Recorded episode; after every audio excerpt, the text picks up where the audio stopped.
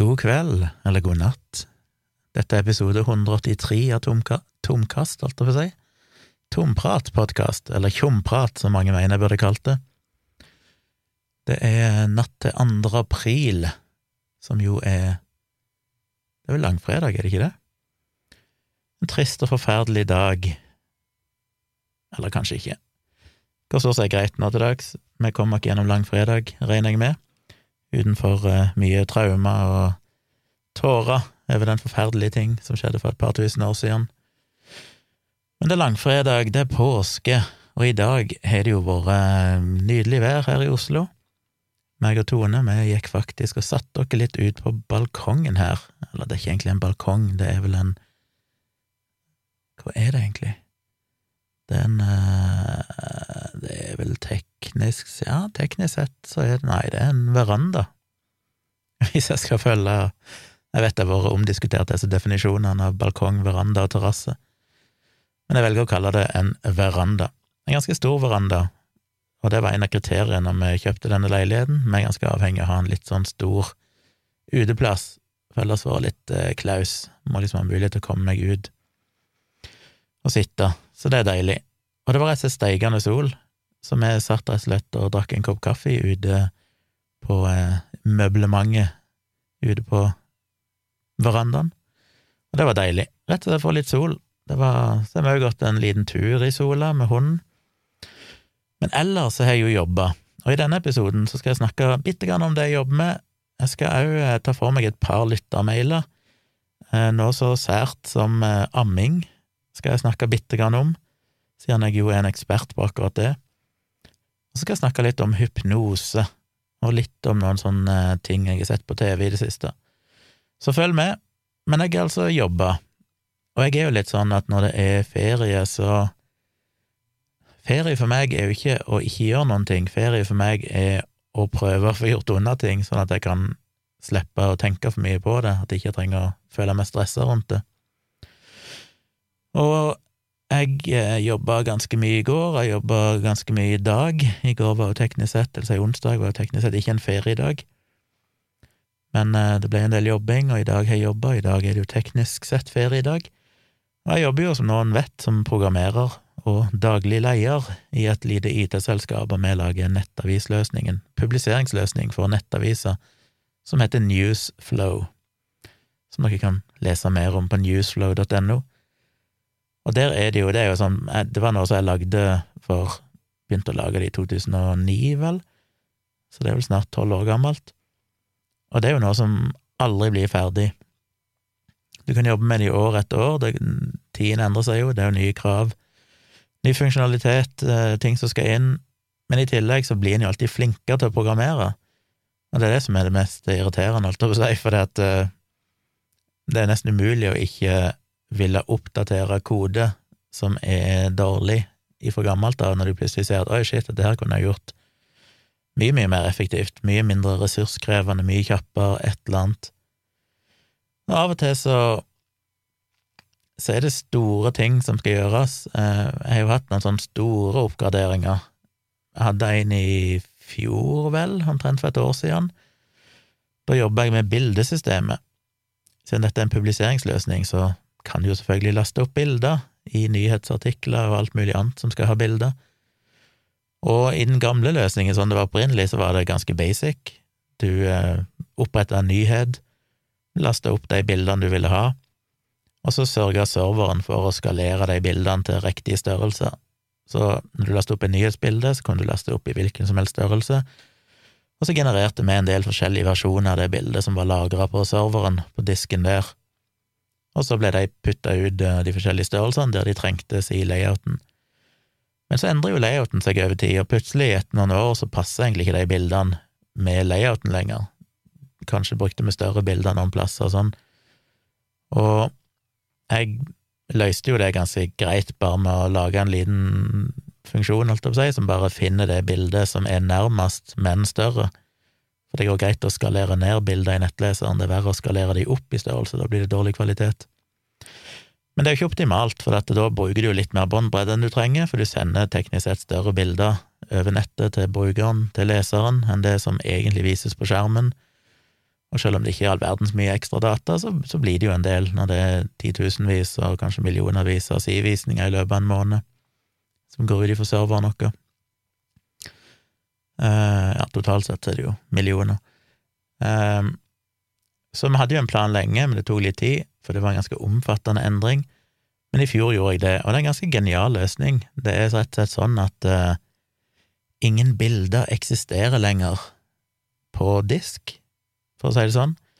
Det som skjer, er at eh, når en artikkel skal genereres, så vet eh, systemet hvilke bildestørrelser som trengs rundt forbi. Man skal ha et stort bilde i toppen, og så er det kanskje noen mindre bilder nede i brødteksten eller på sida i høyre spalte og sånn.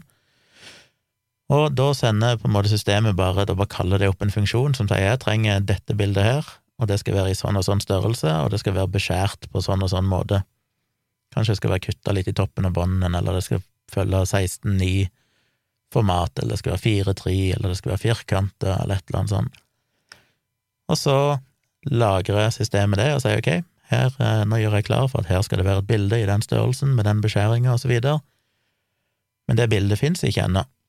Men da outputter han en unik kode, en unik URL, altså en uh, nettadresse til et bilde som teknisk sett ikke finnes ennå, men den er unik og er kun for akkurat det bildet.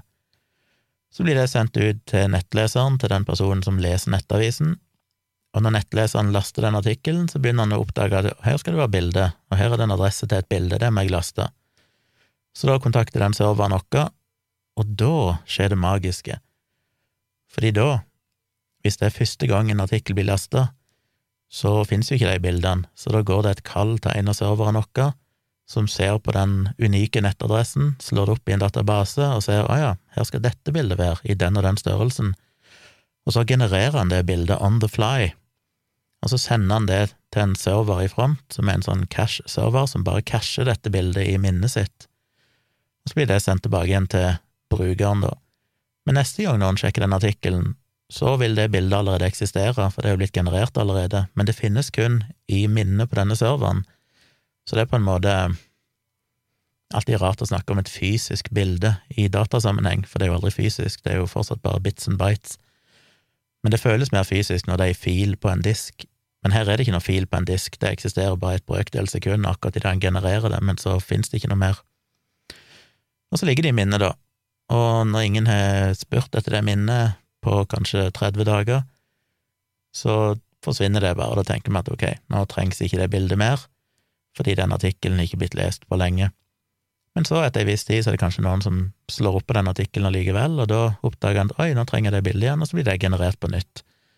Så dermed så har man bare de bildene i minnet som på en måte trengs til enhver tid, og så slipper man å bruke opp diskplass på masse bilder som forskjellige størrelser som ikke fins, eller som ikke trengs så mye og sånn.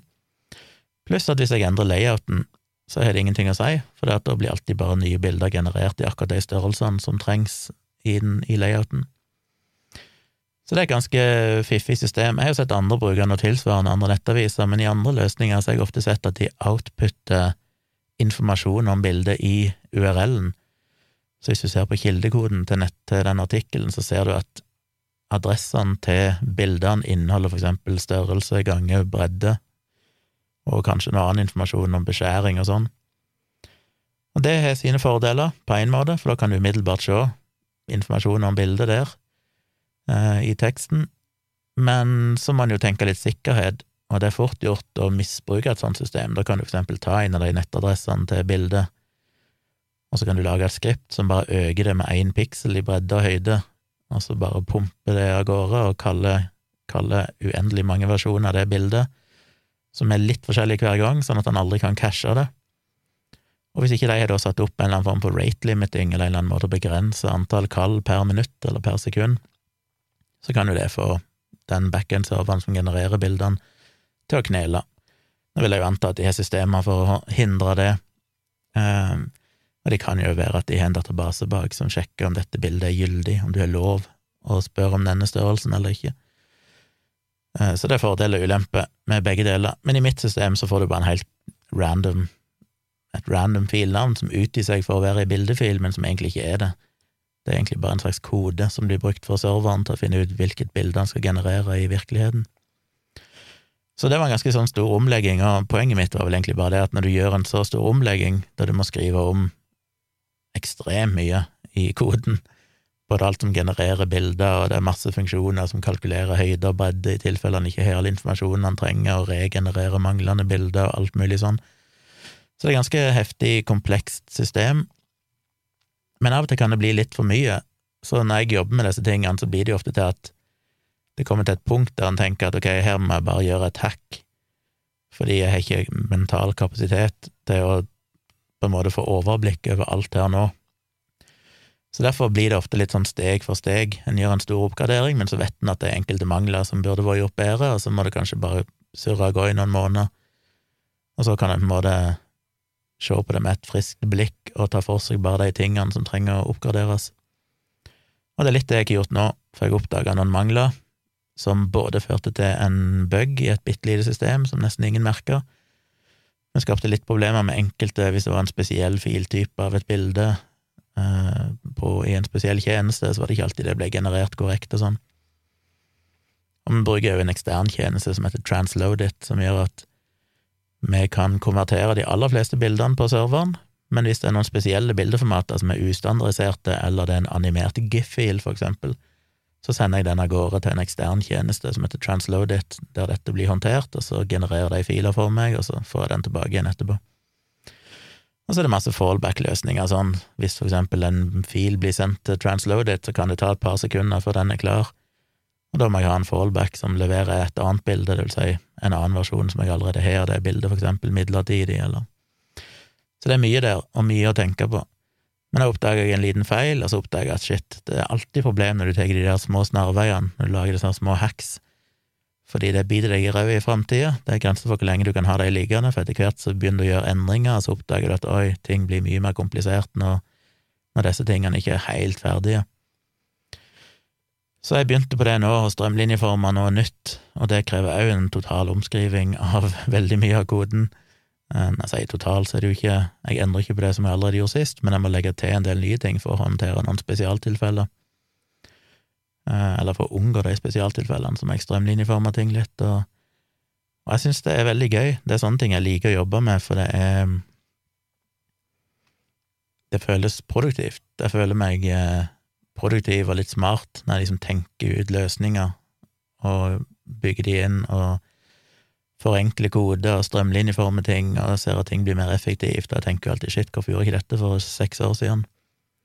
Men jeg hadde ikke nok eh, erfaring og kompetanse på det tidspunktet til å se at de løsningene fantes, så det er det som er litt gøy med programmering, du blir aldri ferdig, du oppdager hele tida at dette her kan gjøres bedre, du trodde du gjorde noe genialt for to år siden, men så oppdager du to år seinere at oi, dette her kan gjøres mye mer effektivt.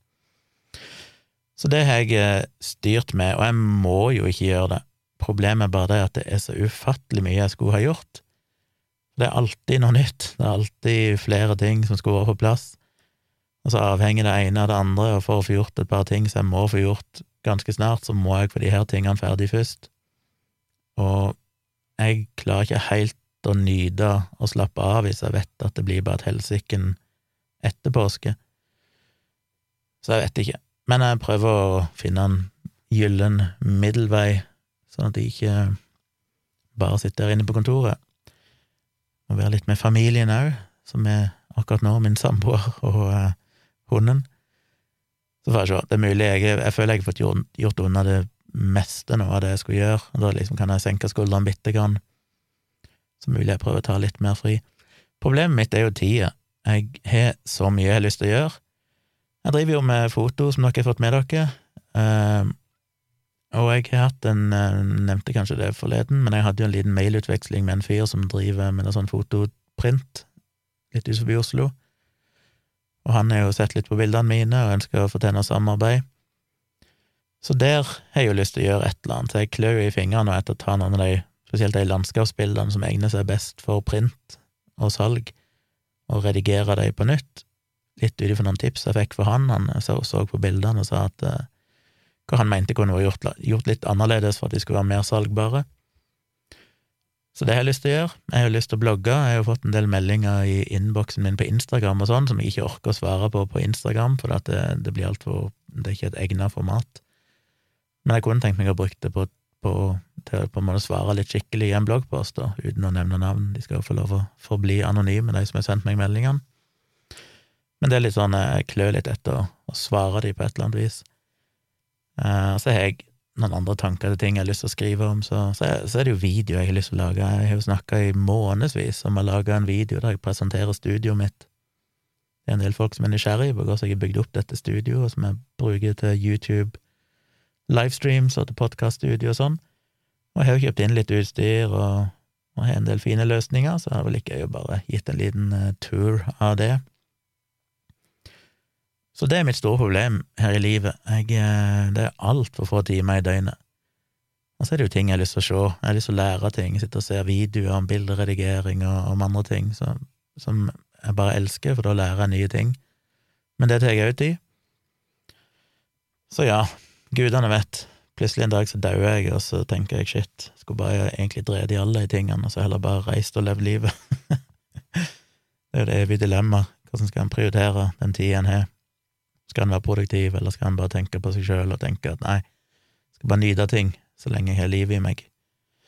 Men en må jo ha penger til det, og penger er jeg ikke gjort av, så skal jeg ha penger til å gjøre noen ting, så må jeg jo faktisk jobbe en del.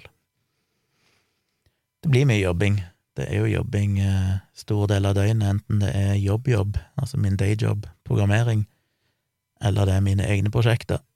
Det er liksom ikke så mye tid som ikke er nyttig, og til og med når jeg ser på ting på TV, når jeg kanskje ser tomt på YouTube, så er det som regel i store deler av tida læringsprosess. Det er min måte å lære på å suge til meg informasjon som jeg bruker i andre ting jeg gjør, så, så det er mye, mye som skjer. Apropos YouTube, jeg, jeg husker ikke om jeg har nevnt det, mulig jeg har nevnt det i livestreamen, men jeg har virkelig Litt sånn skammelig så har jeg ikke oppdaga Aurora før nå, eller relativt nylig. Altså, jeg har jo visst at Aurora var der ute, men jeg hadde jo en skikkelig kick på Sigrid. Jeg syns Sigrid er fantastisk. Eh, noe av det beste som er kommet ut av Norge, med tanke på hvor proff hun er, liksom, musikalsk, eh, hvor bra sanger hun pumper ut. Det er bare Ja, jeg virkelig digger Sigrid. Og så, er det jo en del andre norske artister jeg liker, men Aurora har alltid vært litt vanskelig å få tak på, på et vis. Jeg har visst hun var der, men de gangene jeg har hørt noe av henne, så er jeg liksom ikke helt funnet ut hva det er. Er ikke helt liksom, det har ikke vært, er ikke vært sånn umiddelbart fengende. Men så litt fordi at jeg ser på de her reaction-videoene, og jeg begynte å, begynt å se noen sånne reactions på Aurora, for det er jo alltid litt stas. Det er jo den lille nasjonalfølelsen jeg har, den er vel så knytta til at jeg kan være stolt av noen norske artister i ny og ne. Og det å se amerikanere og sånn re reacte på norske artister er jo gøy, syns jeg. Og det er jo en del som har reacta på Aurora, og gjennom å se på det, så har jeg virkelig fått øynene opp for hvor genial hun er. Jeg mener, for en karakter, for det første. hun er jo bare Hun er jo utenomjordisk på et vis, og har en sånn innstilling til livet som en del av meg må hate litt, for jeg kan tenke meg, uten at jeg vet noen ting om henne, så vil det vel ikke overraske meg om hun er temmelig alternativ anlagt. Er litt usikker på hvor jordnær og rasjonell hun egentlig er. Og samtidig som jeg jo elsker det at hun bare er seg sjøl, og bare er litt sånn luftig og vidløftig i sine tanker, og kanskje ikke har helt uh, føttene på bakken. Det er noe fint med det òg. Og så er hun jo en fantastisk artist, fantastisk stemme. Det å se henne opptre er jo helt unikt. Hun er jo et levende skuespill når hun fremfører en sang. Hun er jo musikk, hun, hun, hun blir jo sangen hun synger. Så det er jo bare helt nydelig å se på. Og så har hun jo noen fantastiske sanger som er Jeg mener, jeg digger jo Sigrid og sånn, men det er jo uten tvil mer kommersielt. Aurora har jo for det første en evne til å være litt all over the place, hun kan jo gjøre så vidt forskjellige ting, ifra noen sanger som er relativt elektroniske og kommersielle, til helt andre sanger som er bare en helt annen stil, og helt tatt ned til det mest um, ingenting, altså bare en stemme og en kassegitar, og, og så har hun noen fantastiske tekster. Jeg innbiller meg vel at hun skriver mye av de sjøl, kanskje alle, som òg er genialt, og jeg har jo sagt det tidligere, at jeg hører lite på tekster. Jeg er en uh, musikkmann fordi jeg har komponert mye, jobba mye med musikk hele mitt liv. Så blir jeg veldig opptatt av det musikk, liksom det instrumentelle i sangene, og høre på alle små detaljer, og får ofte ikke med meg teksten. Det er noe av det siste jeg hører på. Men gjennom å se de reaction-videoene, så er det jo noen av de som reacter som faktisk Noen av de er jo stokk dumme. Det er jo bare sånn Oh, this is really deep. She's talking about how everyone should love each other. Oh, this is so deep. Wow. Det er bare sånn, å, herregud.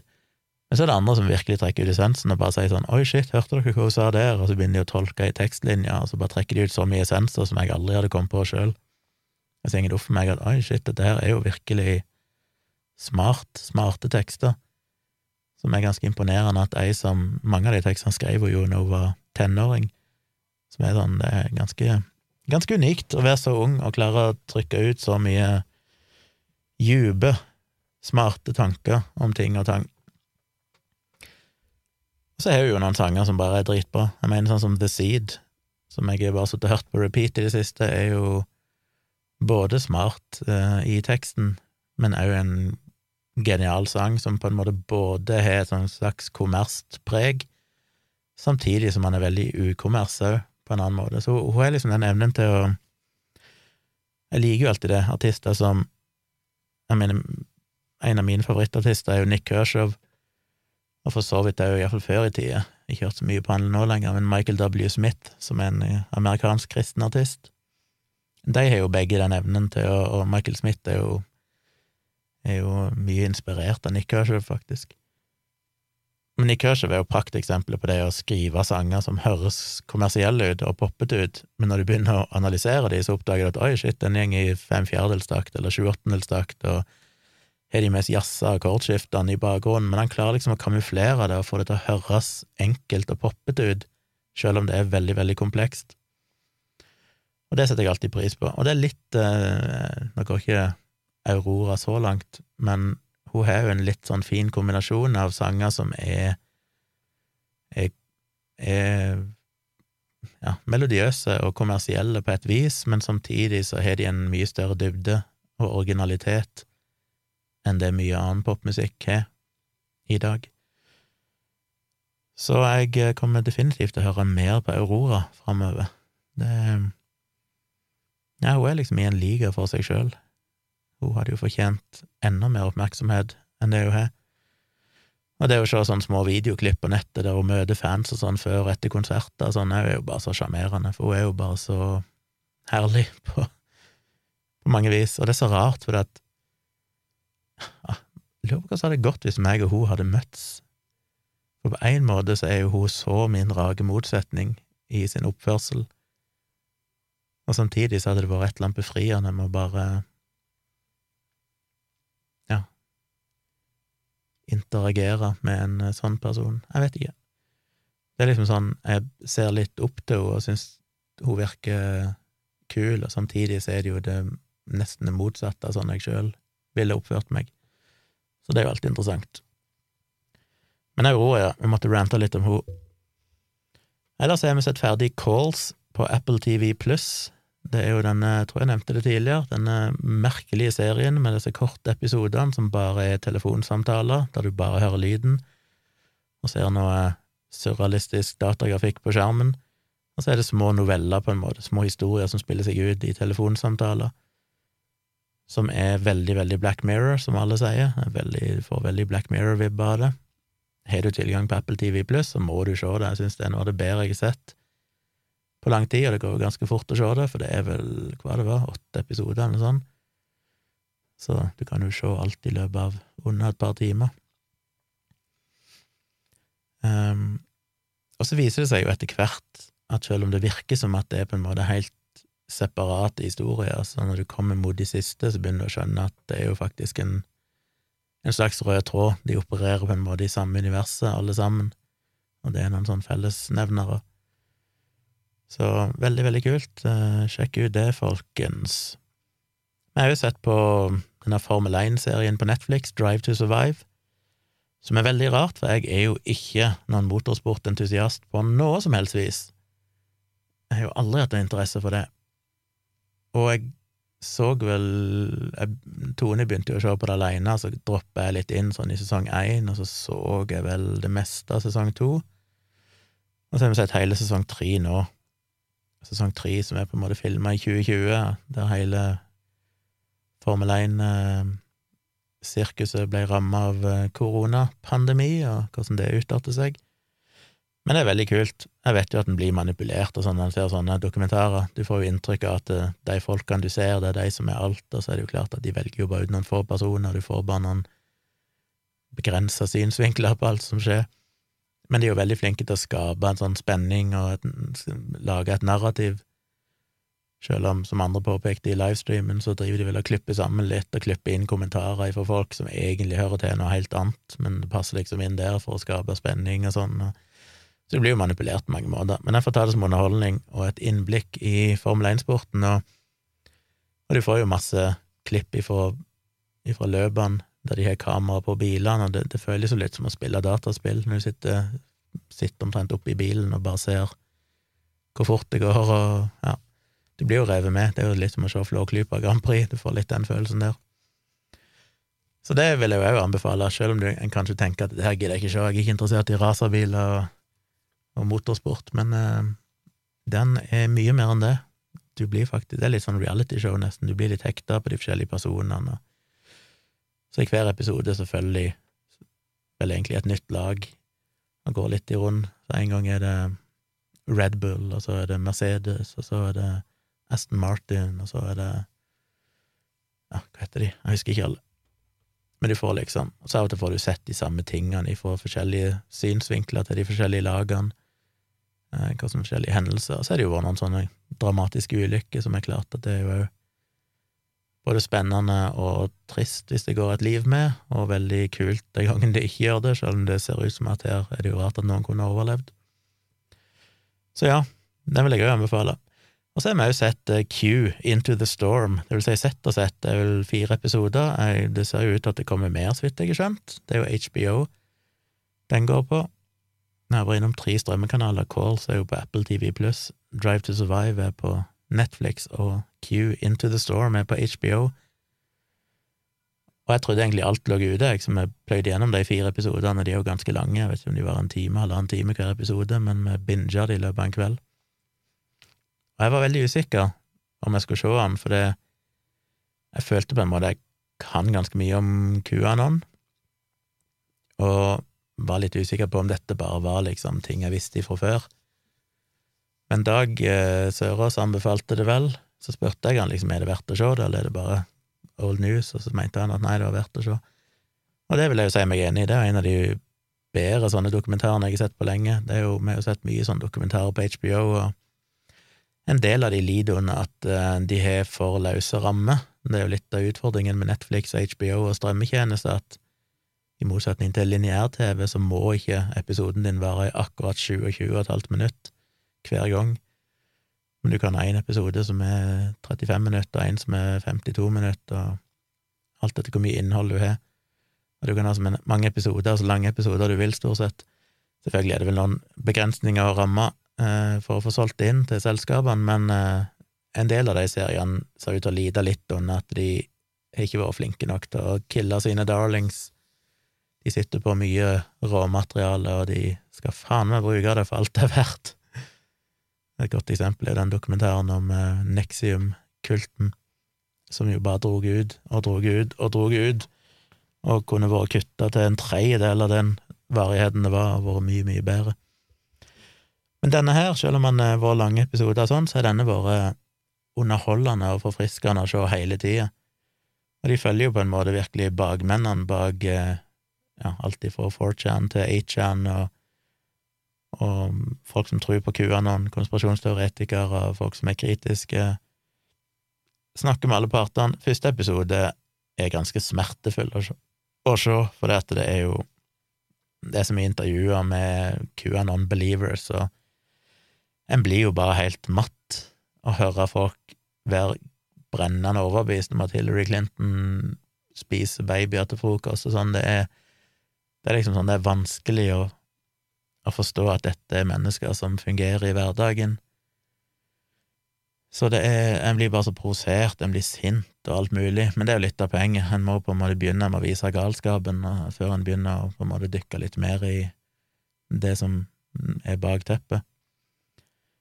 Så jeg gleder meg virkelig til resten, for jeg regner jo med at de etter hvert må Den, kommer jo nå i 2021, så jeg regner jo med at de har I seinere episoder så kommer de vel fram til valget og sånn i fjor, og kanskje stormingen av eh, Capitol og sånn 6. januar og alle disse datoene og fristene som er blitt uh, lovd eller spådd, som ikke har blitt noe av. 6. januar, eller først var det valget, og så var det 6. januar, og så var det 4. mars, og så skjer aldri, aldri denne her eh, overtagelsen der Trump og co. skal komme og arrestere alle disse liberale skuespillerne i Hollywood og politikere og sånn, for å avsløre at de driver med pedofili og satanisk dyrkelse og alt dette her. Skjer liksom aldri. Så det er jo spent på å se hvordan dokumentaren tar for seg det, om du får noen sånne ja, uttalelser fra folk som virkelig trodde dette, og hvordan reagerer de når disse datoene og disse hendelsene aldri skjer. Så hvis du har HBO, så vil jeg definitivt anbefale den for å få et skikkelig innblikk inn i QAnon, og QAnon er jo ikke en en sånn obskur ting som bare er sånn ja, ja, hvis du er interessert i konspirasjonsteorier, så kan det jo sikkert være gøy, men hvis ikke, så klarer vi fint uten det. Fordi QAnon er jo en del av politikken og samfunnsdebatten og verdensbildet vi har i dag. Du kommer ikke utenom den. Det har skapt uh, Ja, det er liksom direkte konsekvenser på den, hvordan verden ser ut i dag. Både med Trump, selvfølgelig, men òg langt utover han. Så jeg tror på en måte det er en ting som det er nødvendig å forstå. For de som vil ha en litt mer overfladisk innblikk i det, så minner jeg jo igjen på at jeg har jo denne videoen som ligger på YouTube-kanalen min, der meg og Didrik Søderlind snakker i en drøy time om konspirasjonsteorier, blant annet QAnon, så den kan dere òg inn og sjekke ut. Men eh, ja, sjekk ut den dokumentarserien. Det vil jeg virkelig anbefale. Jeg gleder meg til resten, for jeg regner jo med det kommer mer. Så til et par lyttermailer. Jeg fikk et spørsmål um, på mail her, og skal vi se Jeg fikk en mail ifra ei som skriver Jeg trenger ikke lese mailen, men hun er Hun eh, ammer vel for tida? Står det ikke det? Jo, Nei, hun er gravid, så har ikke begynt å amme ennå. En gravid alenemor som eh, er litt usikker på dette med hvordan det er å amme og ta, få disse covid-vaksinene. Og det er jo et interessant spørsmål. Hun er litt usikker på er det liksom trygt å ta disse covid-vaksinene hvis du ammer.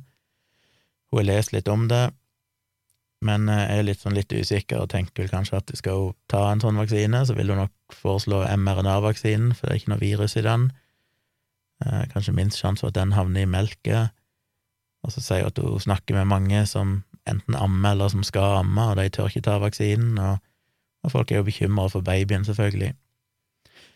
Så jeg tenkte å bare si litt om hva jeg har funnet ut om det, og jeg har ikke researcha det så veldig omfattende, men ofte så trenger en ikke det, fordi at det fins eh, mange som stort sett har oppsummert disse tingene før, og hvis en går til de gode kildene, så finner en mye informasjon. Jeg var innom en, en fire-fem faner oppe her. Den første jeg fant når jeg begynte å google det, det var rett og slett ammehjelpen.no. Og det kan en jo bli litt skeptisk til, for det tenker jeg ja, kanskje de har en bias mot, eh, eller for amming, uavhengig av risiko. Men de lenker jo videre til en del uh, offisielle kilder, både Folkehelseinstituttet, Helsedirektoratet uh, Hvem var dette? Ja, en eller annen amerikansk nettside, Verdens helseorganisasjon, CDC. Og de har jo en del informasjon, og det korte svaret er jo at ammende kvinner kan ta vaksinen. Nå har jo stort sett ikke ammende kvinner i veldig stor grad fått vaksinen, fordi at de stort sett er for unge, så det er jo mest vært hvis du er ammende kvinne og jobber i helsevesenet og er eller har en eller annen sånn kritisk samfunnsjobb, så kan du få vaksinen. Og ut ifra den informasjonen som finnes, så skal det være helt trygt. Men vaksinen er jo ikke testa på ammene. Disse, blant annet Pfizer sin vaksine, da, for å ta den, siden den er ja, kanskje mest aktuell framover, så har ikke den vært testa, for de kvinner som amma, var ekskludert fra disse sikkerhetsstudiene. Men det er likevel ganske mye en kan si, og det ene er jo det at hvis vi ser på disse mRNA-vaksinene fra Pfizer og Moderna, så er det basert på å injisere små mikropartikler med et uh, mRNA-molekyl som du sprøyter inn i muskelen, og så vil disse små partiklene da gå inn i muskelcellene, og mRNA vil da eh, bli omforma, eller bli brukt som en oppskrift, sånn at cellene kan produsere dette S-proteinet, eller denne spike, denne piggen, på koronaviruset. Sånn at du produserer disse viruspiggene, som jo kun er piggen, det er ikke hele viruset, så det er ikke noe du kan bli smitta av, eller noe sånt, men det er en slags eh, ja, unik eh, signatur som, når det blir pusha ut igjen av cellene når det er ferdig produsert og blir dytta ut av cellene, så oppdager immunforsvaret at oi, her er det noen ting som ikke hører hjemme i kroppen. Og så blir de gjenkjent, og så blir det mobilisert et forsvar mot dem, og de blir brutt ned, og så er kroppen på en måte forberedt på et ekte angrep av koronavirus, for da kan de kjenne igjen disse piggene, og så sier de at oi, dette liker vi ikke, men vi er forberedt til å bekjempe det. Og disse her eh, mRNA-partiklene som blir sprøyta inn, de blir jo brutt ned i løpet av få timer, og det er lite som tyder på at de vil i det hele tatt gå inn i blodet ditt, de blir jo sprøyta inn i en muskel, de blir jo ikke sprøyta inn i en blodåre, så de blir nok brutt ned lenge før de kommer inn i blodet ditt, og om de så skal komme inn i blodet ditt, så er det jo enda mindre sjanse for at de skal kunne komme seg helt ut i morsmelket og overleve der, helt til de faktisk kommer inn i kroppen til en baby. Og om de så skulle gjøre, komme seg inn i kroppen til babyen, så må man huske på at de går inn i munnen og ned i magen, der de blir fordøyd, og det er ingenting som tyder på at de skulle bli absorbert på noe vis, og at de skal trigge immunforsvaret. Men husk på at babyer og mennesker generelt sett lever i sterile miljøer. Vi svelger jo milliarder av bakterier og virus hver dag som går rett ned i magesekken vår, og ingen av de har påvirket oss. Så det er veldig lite sannsynlig at disse fragmentene av virus, disse piggene av virus, eller disse mRNA-molekylene fra vaksinen i seg sjøl, på noen slags måte skulle føre til noe skade. Eh, så det er liksom ingen sånn teoretisk grunn til at det i det hele tatt skal kunne påvirke en baby, så det kan jeg nok anta, som alle disse kildene sier, som skriver om det, både CDC og Folkehelseinstituttet og Verdens helseorganisasjon, og Pfizer sjøl, som har et dokument der de skriver liksom om eh, hvem som kan ta vaksinen, og hvem man er testa på og sånn. De skriver jo et eget avsnitt om ammende kvinner. Så jeg ville nok følt meg ekstremt trygg på å ta mRNA-vaksinene. Men så er spørsmålet da AstraZeneca-vaksinen. For det første så tviler jeg på om noen kommer til å få den mer, som jeg skrev i en bloggpost her når denne, dette problemet dukka opp først, med disse blodproppene og så videre. Så skrev jeg jo allerede da at jeg ser vel for meg at vi mest sannsynlig ikke kommer til å ha den AstraZeneca-vaksinen mer, uansett hva de konkluderer med til slutt. Og det er vel litt av de signalene som er kommet nå òg, at eh, det vil vel overraske meg. Men vi har jo en Johnson Johnson-vaksine på gang, og denne russiske Sputnik-vaksinen og en del andre vaksiner er jo basert på en annen teknologi, og de er basert på modifiserte virus hvis en ser på AstraZeneca, så er vel den basert på et modifisert forkjølelsesvirus, altså et koronavirus, som smitter sjimpanser. Og grunnen til at de bruker det, er fordi at hvis de hadde brukt et menneskelig forkjølelsesvirus, så kan du jo være immun mot det allerede, og da kan det hende at immunforsvaret ditt ødelegger de virusene før du i det hele tatt får tid til å Eller før de får gjort det de skal gjøre, og det er jo å på en måte overføre en bit DNA inn i kroppen, eller inni cellene våre, som da gjør at inni cellekjernen, som gjør at DNA-et vårt kan produsere disse S, eller produsere mRNA, som igjen går ut i cellen og i kontakt med ribosomene produserer dette S-proteinet, som til slutt kommer ut. Så endeproduktet er jo det samme, både fra disse modifiserte virusene, som AstraZeneca og Johnson Johnson og sånn bruker, og disse mRNA-vaksinene, bare at mRNA-vaksinene sprøyter bare inn mRNA ferdig, mens de modifiserte virusene de må først en tur innom cellekjernen for å få produsert mRNA, som igjen da etterpå blir produsert, eller blir brukt som en oppskrift til å lage disse spike pig-proteinene. Men du sprøyter jo inn virus. De virusene er jo eh, ødelagte eller drept, holdt jeg på å si. De, er modifisert sånn at de kan ikke dele seg. Så sprøyter du inn, for å ta et enkelt rundt tall, en milliard virus, så blir ikke det noe mer enn en milliard virus. Jeg aner ikke om det er så mange, kanskje det er noen tusen, jeg aner ikke. Men det tallet du sprøyter inn, er det tallet som blir der, og de òg blir brutt ned veldig fort. Det DNA-et som kommer inn i cellekjernen din, blir òg brutt ned etter veldig kort tid. Så spørsmålet er likevel, sprøyter du inn de virusene, selv om de er modifisert og ikke kan dele seg og sånn, kan de fortsatt ende opp i melka og så inn i babyen? Kanskje, men som de sier, dette er jo ikke vår tester, men en har jo laga mange andre vaksiner opp gjennom tidene, og en har ikke sett at det har vært et problem med tidligere vaksiner. En har ikke sett at dette, disse virusene som blir sprøyta inn Husker på for eksempel en influensavaksine er jo òg et influensavirus, bare at det er på en måte drept, ødelagt. Så mange vaksiner er jo basert på enten død virus eller bare svekka virus, som fortsatt er levende, men de er ikke på en måte sterke nok til å kunne gjøre deg sjuk og, og, replikere seg sjøl. Så det har jo vært kjent. Det nye med disse AstraZeneca-vaksinene sånn er at de bruker modifiserte virus, altså de modifiserer DNA-et i det, sånn at DNA-et kan produsere biter av viruset inni kroppen, men ikke hele viruset. Det blir ikke produsert nye virus. Eh, så spørsmålet er hvis de virusene da går inn i morsmelket, kan det gå inn i babyen, og kan det være farlig? Mest sannsynlig ikke, fordi igjen, dette er jo ikke levende virus. De kan ikke replikere seg, de kan ikke komme ned i babyen og så begynne å smitte eller smitte babyen og skape en infeksjon. De vil sannsynligvis bare bli fordøyd og komme ut igjen med bæsjen til babyen. Så det er nok mest sannsynlig veldig, veldig trygt. Men en kan nok kanskje si at mRNA-vaksinene er hakket mer sikre.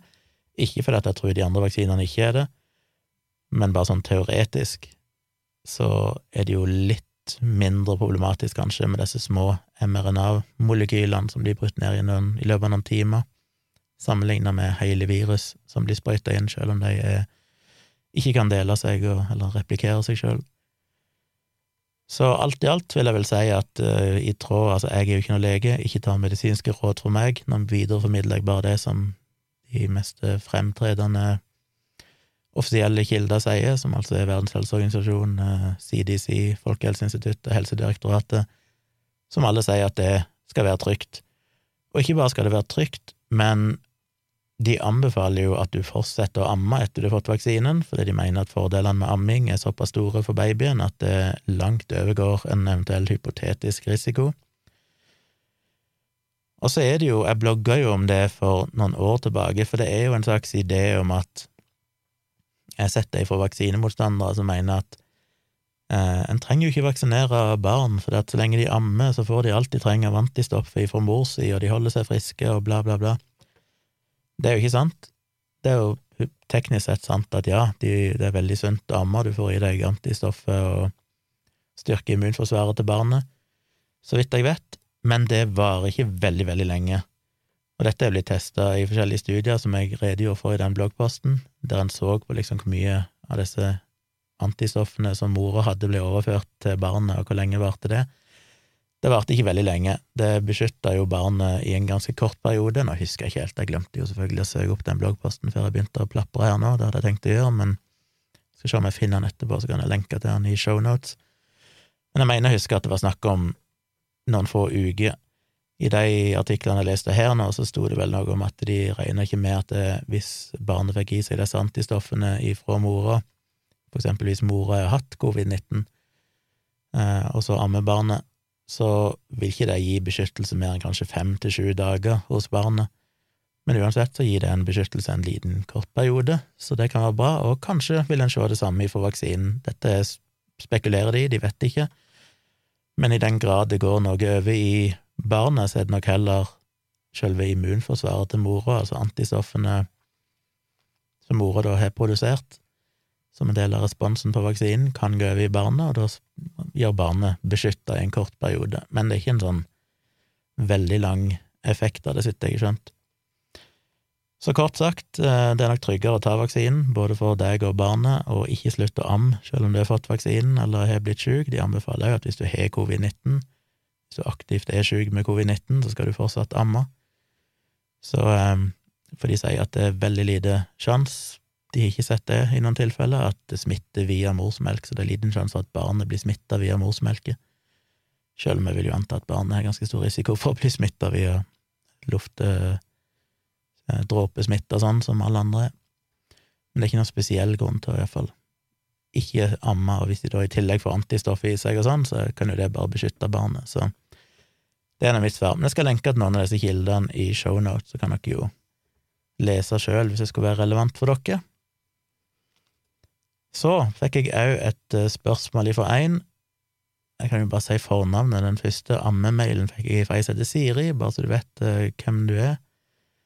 Jeg sier ikke navnene i, bare sånn, i tilfelle folk ikke har lyst til at jeg skal gjøre det. Den andre har jeg fått i veien som heter Lasse, og han sier, spør om jeg kan snakke om hva vitenskapen sier om hypnose.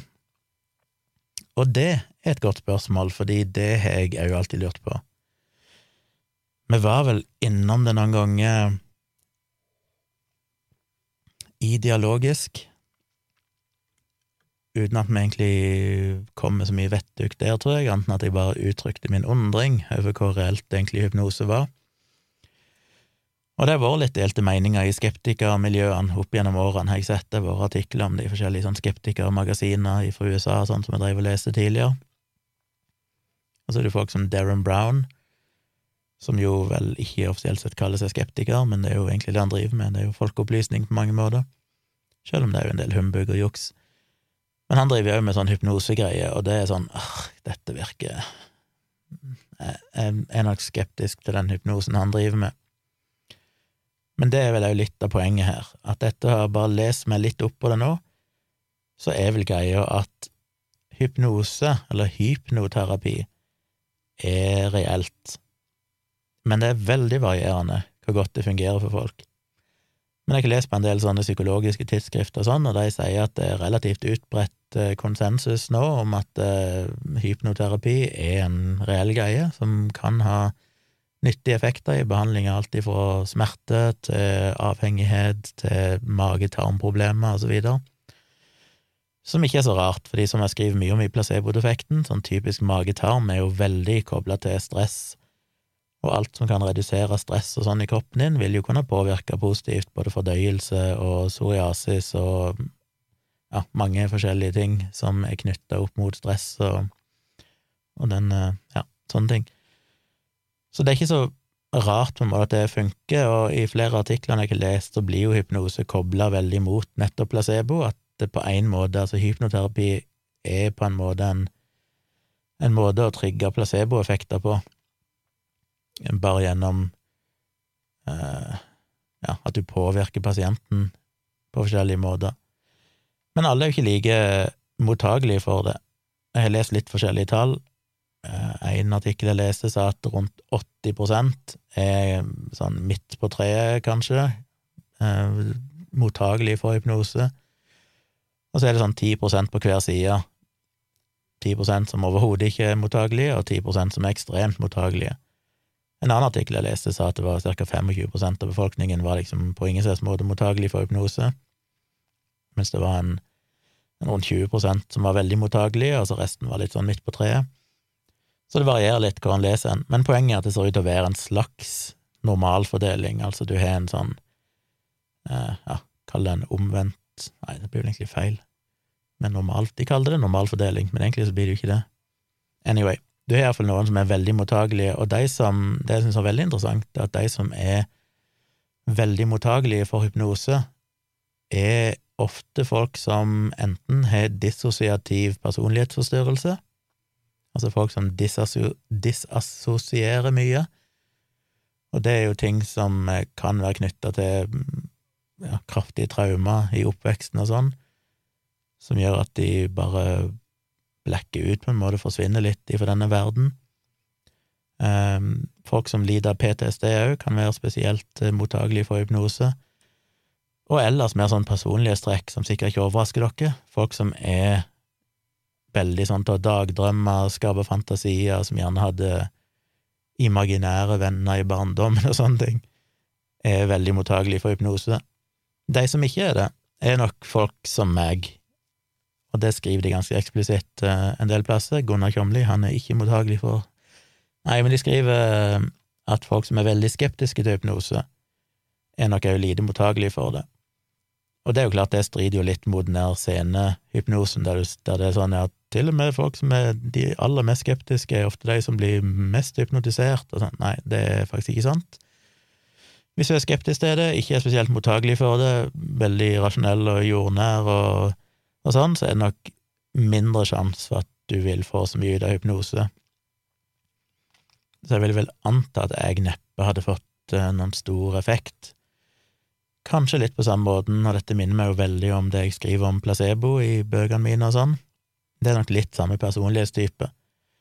I placebo-defekten så skriver jeg jo om en del studier som på en måte viser at de som opplever mest placebo-effekt, er òg de som gjerne ser mest tilfeldige mønster, eller ser eh, mest orden i tilfeldige mønster som da jo gjerne er folk som er religiøse eller konspirasjonsteoretikere, fordi de på en måte ser tegn, og de ser sammenhenger som ikke er der, de gjorde en ting, og så skjedde noe fint dagen etterpå, dermed må det ene ha ført til det andre, og alt mulig sånn, mens de mer hardbarka skeptikerne som meg er nok mye mer klar over at det er veldig mye tilfeldighet her i verden, og vi prøver å analysere sånne ting mer skeptisk og rasjonelt, og skjønne at det føles kanskje som at fordi jeg gjorde A, så skjedde B, men hvis jeg tenker meg skikkelig om, så skjønner jeg jo at eh, det er nok heller jeg sjøl som rasjonaliserer det, at det skal føles som at det var jeg som påvirka det, fordi det gir meg en følelse av mening og kontroll, som er en god følelse å ha. Jeg vil tro at de folkene som gjerne ser sånne sammenhenger, og tillegger seg sjøl mye større vekt her i universet, Eh, med at de kan påvirke framtida og påvirke ting som skjer. Sikkert er mye mer mottagelig for både placeboeffekt og mer mottagelig da for hypnose. Så det er vel egentlig det vitenskapen sier om hypnose i dag. Kort sagt, det er en greie, det varierer veldig hvor mye folk merker av det, men i den grad det kan bidra til på en måte stressreduksjon, for det handler jo på en måte om å sette deg i en litt sånn annen state of mind, der du kan påvirke tankene til folk. Og de veldig, understreker jo veldig at det er jo ikke sånn som du ser på scenen, du får ikke folk til å gjøre ting som strider mot deres moral, eller som de aldri ville gjort ellers, det er ikke sånn det fungerer.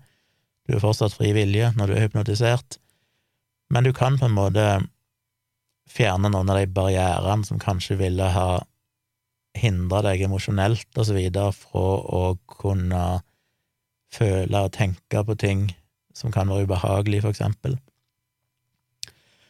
Og det er jo òg noe som går inn i både det jeg skriver om, men òg spesielt det jeg har holdt foredrag om en del ganger, som jeg syns er veldig, veldig interessant, det er jo dette her med hvordan vi konstruerer vår egen virkelighet. At vi må huske at hjernen vår Der er det mange prosesser som kontrollerer hverandre, og et godt eksempel, tenker jeg, er drømmeverden. Når du drømmer, når du sover, så er jo litt av greia det at uh, musklene dine blir lamma, og du tar ikke imot sanseinntrykk lenger ifra hørsel og, og, syn og sånne ting, og dermed så kan hjernen produsere en virkelighet som ikke lenger er begrensa av fysiske sanseinntrykk. Og da kan det skje mye spennende. Da kan du flyge, og da kan du gjøre alt mulig rart. Eh, og det kan skje forferdelige ting i drømmene dine på en måte så virker det som at Jeg har sett andre forklare det sånn at den virkeligheten du opplever akkurat nå, når du sitter og hører på meg, er jo egentlig det samme som når du drømmer. Altså, hjernen produserer ideer og inntrykk hele tida, men når du er våken, så blir på en måte det filtrert av virkeligheten, i den forstand at du, du har sanseinntrykk og alt dette her som begrenser mulighetene til hjernen for å, å være fantasifull. Det har du ikke når du sover. Og det er kanskje litt av det samme som skjer med hypnose, at du klarer å få personen inn i en tilstand der de Jeg liker gjerne å kalle det for modul av hjernen, for det, det kan være lett å tenke på hjernen som en samling med moduler som er forskjellige oppgaver. Eh, bare for å ta ett eksempel, og jeg husker ikke lidelsen lenger, men det var en eller annen type blindhet, for eksempel, som, der folk ikke egentlig er blinde, men de tror de er blinde, fordi de nervesignalene som går fra øynene bak til hjernen, selv om hjernen, nei, øynene er jo egentlig bare en forlengelse av hjernen. Det er vel noen som har sagt at øynene er den synlige delen av hjernen. De går jo både til en mer sånn primitiv del av hjernen, som har eksistert ifra når vi var mer primitive, for å bruke det uttrykket, selv om det er litt misvisende, men eh, ja, tidligere versjoner av eh, det vi i dag er, som tok imot sanseinntrykk fra øynene og kunne bruke det til å navigere i omgivelsene, men uten å være bevisst at du så. I seinere tid så er jo vi utvikla òg en bevissthet som gjerne sitter framme i frontallappene, og de er òg kobla inn i synet, sånn at du har en bevisst opplevelse av å se. Men hos noen folk som har fått en hjerneskade, enten det har vært ei ulykke eh, fysisk, eller det har vært kjemikalier eller andre ting inne i bildet, en eh, blødning i hjernen eller noe sånt, blodpropp, så kan de nervekanalene som kobler synet mot den bevisste delen av hjernen, bli ødelagt. Men de er fortsatt kobla til den delen av hjernen som faktisk på en måte tar imot sanseinntrykkene og behandler de, og dermed så kan disse menneskene teknisk sett se, og det er ganske morsomt når du leser om disse studiene der de sier sånn, ja, nå skal jeg holde opp et lys, en lommelykt her, kan du peke på lyset? Så sier pasientene nei, det kan jeg jo ikke, for jeg er jo blind. Så sier legen at ja, ja, jeg skjønner det, men, men bare prøv, bare, bare gjett. Og så treffer de jo veldig presist eh, en stor andel av gangene. Som er ganske interessant, for de tror de er blinde, men de klarer fortsatt å peke på lyskilden. Og det er kanskje litt sånn òg med hypnose, Um, du kommer på en måte Kanskje du, du klarer å sette pasienten i en tilstand der disse her regulerende mekanismene, de her eh, fordømte mekanismene som skal være så rasjonelle og teste alt mot virkeligheten, de blir på en måte bypassa, sånn at du når inn til en, en dypere del av hjernen som jo er aktiv alltid, men som hele tiden blir filtrert og regulert av de mer bevisste delene av hjernen, og dermed så kan du få fram informasjon uten at det blir filtrert og begrensa på samme måten. Så det er nok eh, sånn jeg skjønte litt av greia med hypnose. Men det er veldig viktig å huske på at det du ser av hypnose i show, sånn stage hypnosis og sånn, scenehypnose, ut ifra det jeg har forstått, og egentlig alltid antatt, er primært bare show. Det er bullshit. Til en viss grad er det nok noe i det. En del av de showene er jo ren bullshit. Eh, I de artiklene jeg ikke lest, så sier de at det finnes jo bøker du kan lese om hvordan du skal lure folk til å, tro at du hypnotiserer folk og sånn, som er bare ren humbug. Men til en viss grad så kan det jo være en, en, et fragment av virkelig, fordi at det er klart de tester jo publikummet sitt, og det vil være en kombinasjon av at har du 200 publikummere, så vil det være noen av de som er i den der ti prosenten som er veldig lett påvirkelige. Og hvis du klarer å luke ut deg gjennom forskjellige eh, tester i forkant, som en kan gjøre, for eksempel at uh, hypnotisøren sier at nå skal jeg hypnotisere alle i publikum og gjøre sånn og sånn, og de fleste merker ikke noe og bare ler med, liksom, spiller med, og så kan du fjase det litt vekk, men så kan du legge merke til at det er noen i publikum som helt åpenbart blir veldig påvirka, og så kan du få dem opp på scenen etterpå, og så er du funnet de mest aktuelle kandidatene. Og sånne folk er jo nok òg av den personlighetstypen at de veldig gjerne vil please og spille med og ha den oppmerksomheten som er, så i tillegg til at de kanskje er, er gode kandidater for å bli hypnotisert, så kan det jo godt være at det er de folkene som gjerne er litt sånn ja, jeg spiller med, jeg syns dette er gøy, jeg syns det er gøy å få oppmerksomhet, eh, det er ikke så nøye. Jeg mener, jeg hadde jo aldri gjort det, jeg er jo en sånn person som hadde nekta å og latt meg rive med og være en annen person enn det jeg føler jeg kan stå for. Men det finnes jo mennesker blant dere som ikke syns det er noe problem å bare spille med og, og showe, liksom, og, og dumme seg ut, på en måte. Så det er nok en kombinasjon at det er både folk som er mer påvirkelige, og folk som er mer villige til å spille med og lade som, som gjør at du kan holde sånne show og ha en, en liten andel med, med publikummere som tilsynelatende blir hypnotisert og, og lager show. Men det er ikke sånn hypnose fungerer. Du får ikke folk til å drite seg ut og gjøre tåpelige ting og ting som strider mot deres moral. Du kan ikke hypnotisere folk til å gå og myrde noen andre og sånne ting i utgangspunktet. Samtidig så er det jo interessant å, å lese om historier der det har blitt brukt i forsvar. Det er jo våre eksempler. Jeg så det var en Hva var det det står? En uh, danske Bare finne igjen uh, der jeg leste det. Crime Der. I 1951 så var det en danske som het Palle Hardrup, som eh, skjøt og drepte to personer i et mislykka ran i København.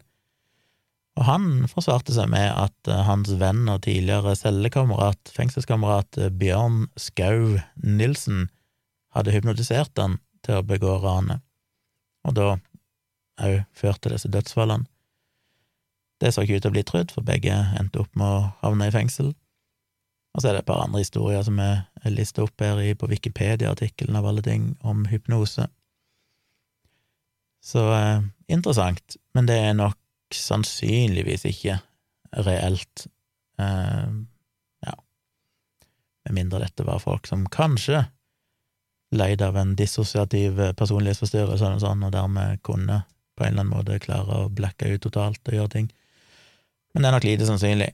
Så hypnose, ja, det ser ut til å være vitenskapelig evidens for at det er noe der, det kan brukes, men det handler jo mer om å sette folk i en, en slags transe som bare gjør deg Som bare kanskje deaktiverer eller bedøver de litt mer eh, kontrollerende delene av hjernen din, sånn at du kan oppleve hendelser og sånn mer fritt, uten at det blir filtrert gjennom forskjellige mekanismer i hjernen.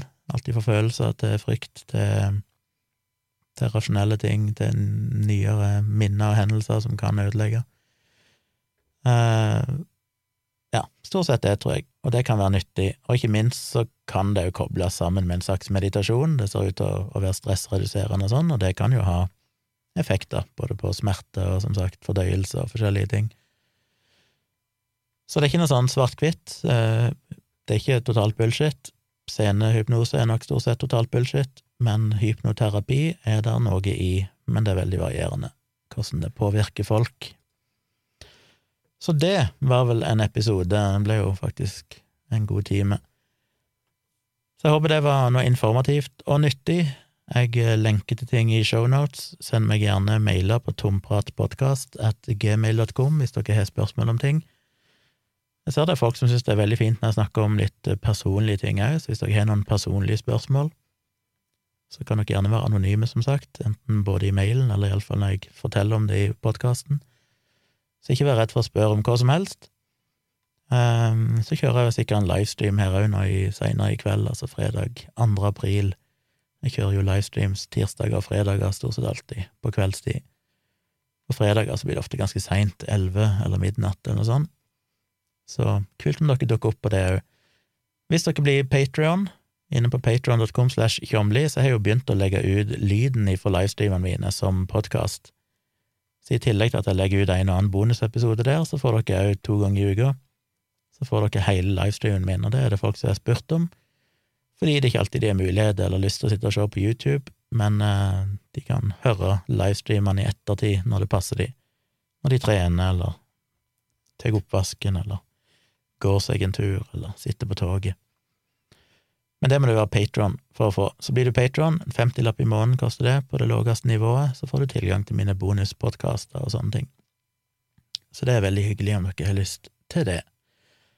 Da tar jeg kvelden. Jeg ønsker dere en fortsatt god påske. Jeg skal nok eh, jobbe litt mer, men jeg skal jo prøve å få gjort noen av mine egne hobbyer som jeg òg har lyst til å få tatt tak i.